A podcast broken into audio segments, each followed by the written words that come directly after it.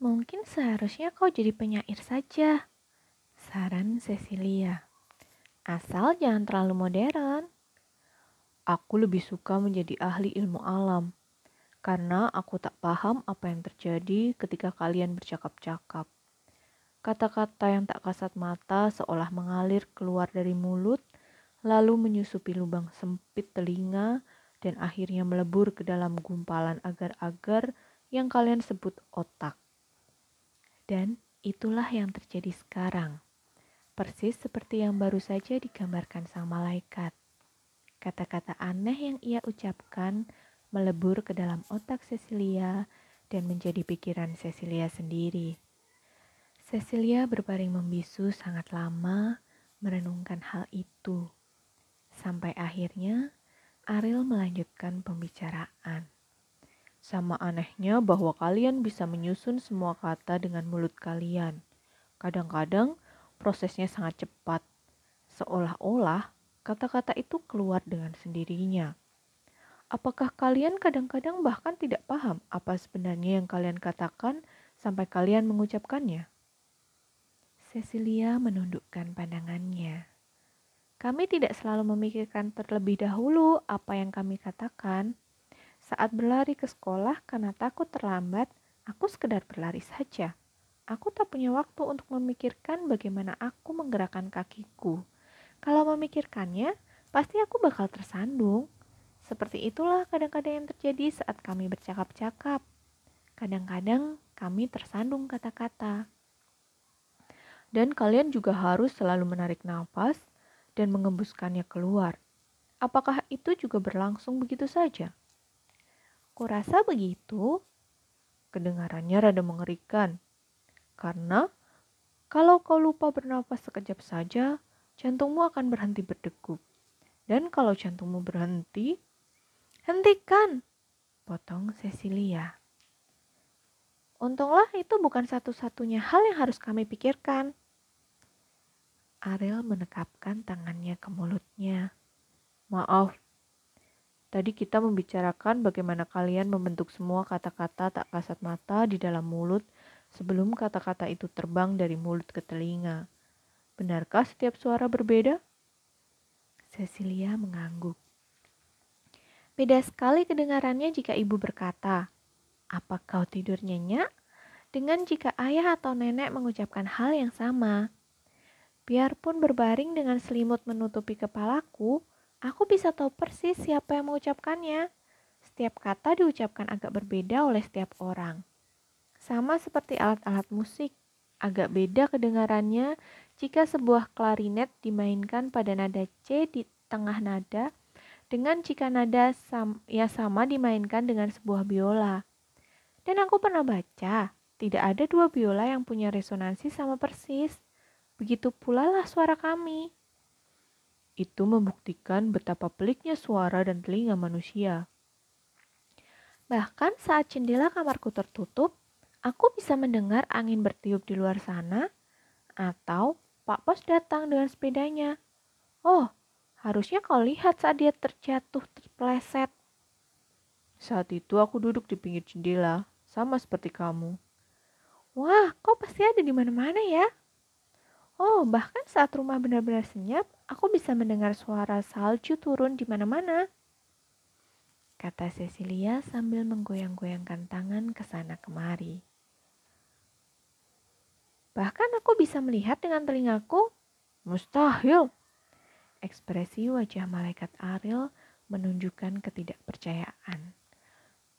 Biarpun kita membicarakan banyak hal luar biasa, kau jangan mempermainkanku dong.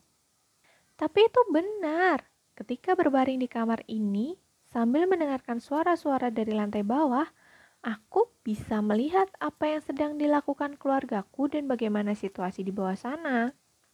Kalau begitu, kau telah dianugerahi sedikit pandangan malaikat. Cecilia menegakkan badannya di atas sofa.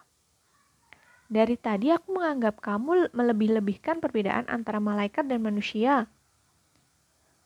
Bahkan itu lebih aneh lagi, karena kita punya latar belakang yang begitu berbeda.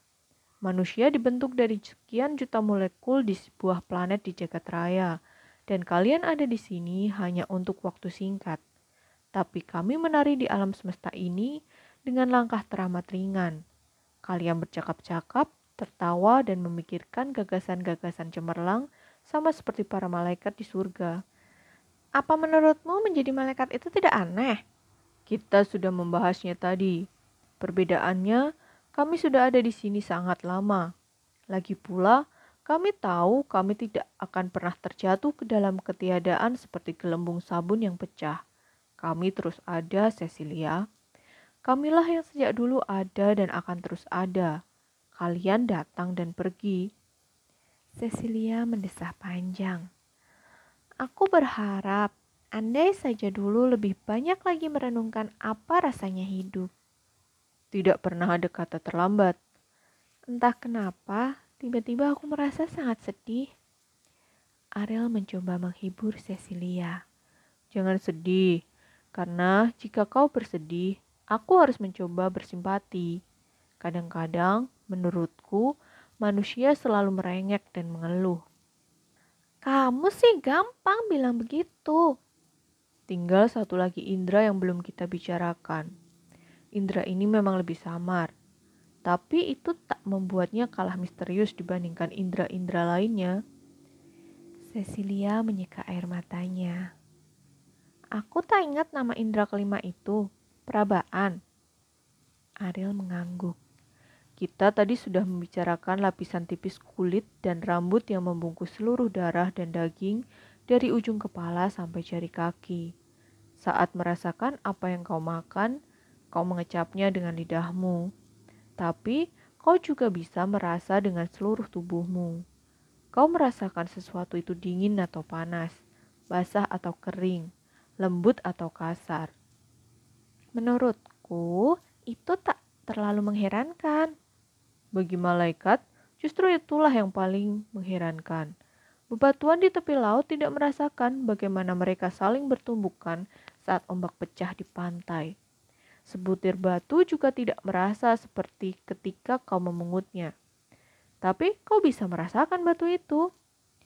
Kau sudah lihat koleksi batuku? Sebagian ku beli, sebagian lainnya dihadiahkan orang kepadaku. Tapi kebanyakan ku peroleh di pantai, di sebuah pantai tak dikenal. Maksudmu di kereta?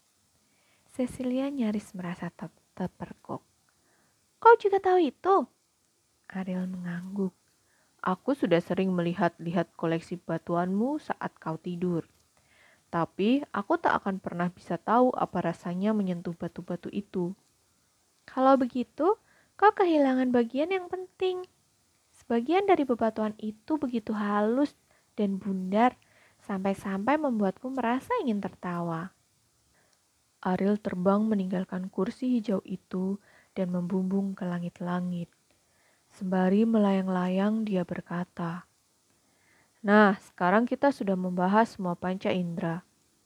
Tapi ada juga indera keenam, potong Cecilia. Benarkah? Sebagian orang percaya mereka punya sebuah indera yang membantu mereka mengetahui hal-hal yang melampaui panca indera. Misalnya, mereka dapat menebak sesuatu yang bakal terjadi di masa depan, atau mereka bisa mengetahui letak sebuah benda yang hilang. Sebagian orang lainnya menganggap itu cuma tahayul. Ariel mengangguk seolah-olah ingin berbagi rahasia dengan Cecilia. Mungkin indera itu suatu hari nanti akan membantu kita menemukan bintang Natal kalian yang lama. Apa kau tahu di mana dia berada? Kita lihat saja nanti. Sambil terus berbaring, Cecilia merenung tentang Natal. Kemudian dia berkata, Aku bertanya-tanya, mungkinkah suasana Natal ada hubungannya dengan indera keenam? Mungkin kami, manusia, pada waktu Natal lebih mirip malaikat ketimbang pada waktu-waktu lain sepanjang tahun. Dan Natal juga melibatkan kelima indera lainnya. Aku bisa mencium bau Natal. Aku bisa mengecap Natal. Aku bisa melihat dan mendengarnya dan aku bisa menyentuh semua kado dan menebak apa yang ada di dalamnya. Ada binar di mata Ariel. Ya, apa yang ada di dalam? Aku juga ingin membicarakannya. Tentang apa yang ada di dalam kado Natal? Bukan, tentang apa yang ada di dalam dirimu. Ih, kedengarannya menjijikkan. Itu aneh. Kenapa? Kalian manusia menganggap menjijikkan membicarakan apa yang membentuk diri kalian. Bayangkan, seandainya sebongkah batu tidak tahan memikirkan jati dirinya sebagai batu. Dia akan menjadi batu yang sangat merana karena harus hidup dengan rasa muak terhadap dirinya sendiri selama ribuan tahun sebelum berangsur-angsur luruh menjadi kerikil dan pasir. Tapi kalian tak akan hidup sepanjang itu. Kalau begitu, aku janji akan membicarakan apa yang ada di dalam diriku, tapi dengan satu syarat. Apa itu? Kau berjanji akan menceritakan banyak hal ajaib dari surga. Malaikat tak pernah ingkar janji. Tentu saja, kalau malaikat ingkar, tidak ada lagi yang kupercayai di alam semesta ini.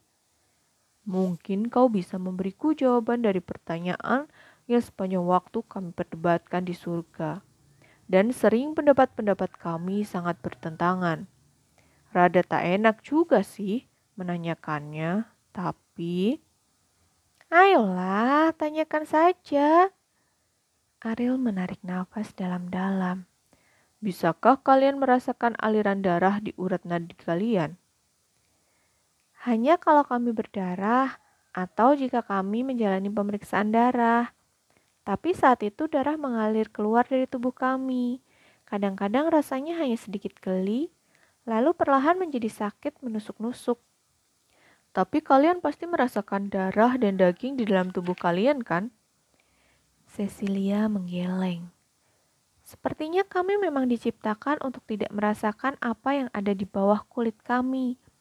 Kami bisa merasakan sentuhan dengan kulit kami, tapi untungnya kami tak harus merasakan apa yang ada di dalam diri kami sepanjang waktu.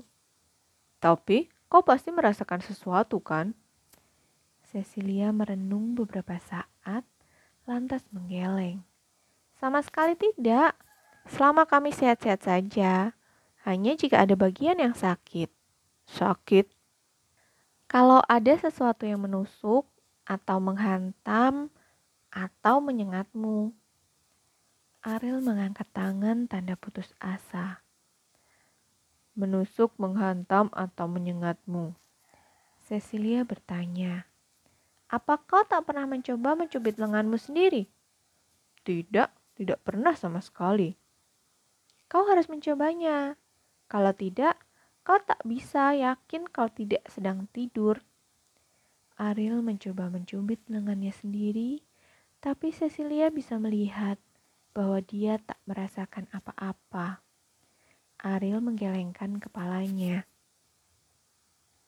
Malaikat tak bisa mencubit lengannya sendiri.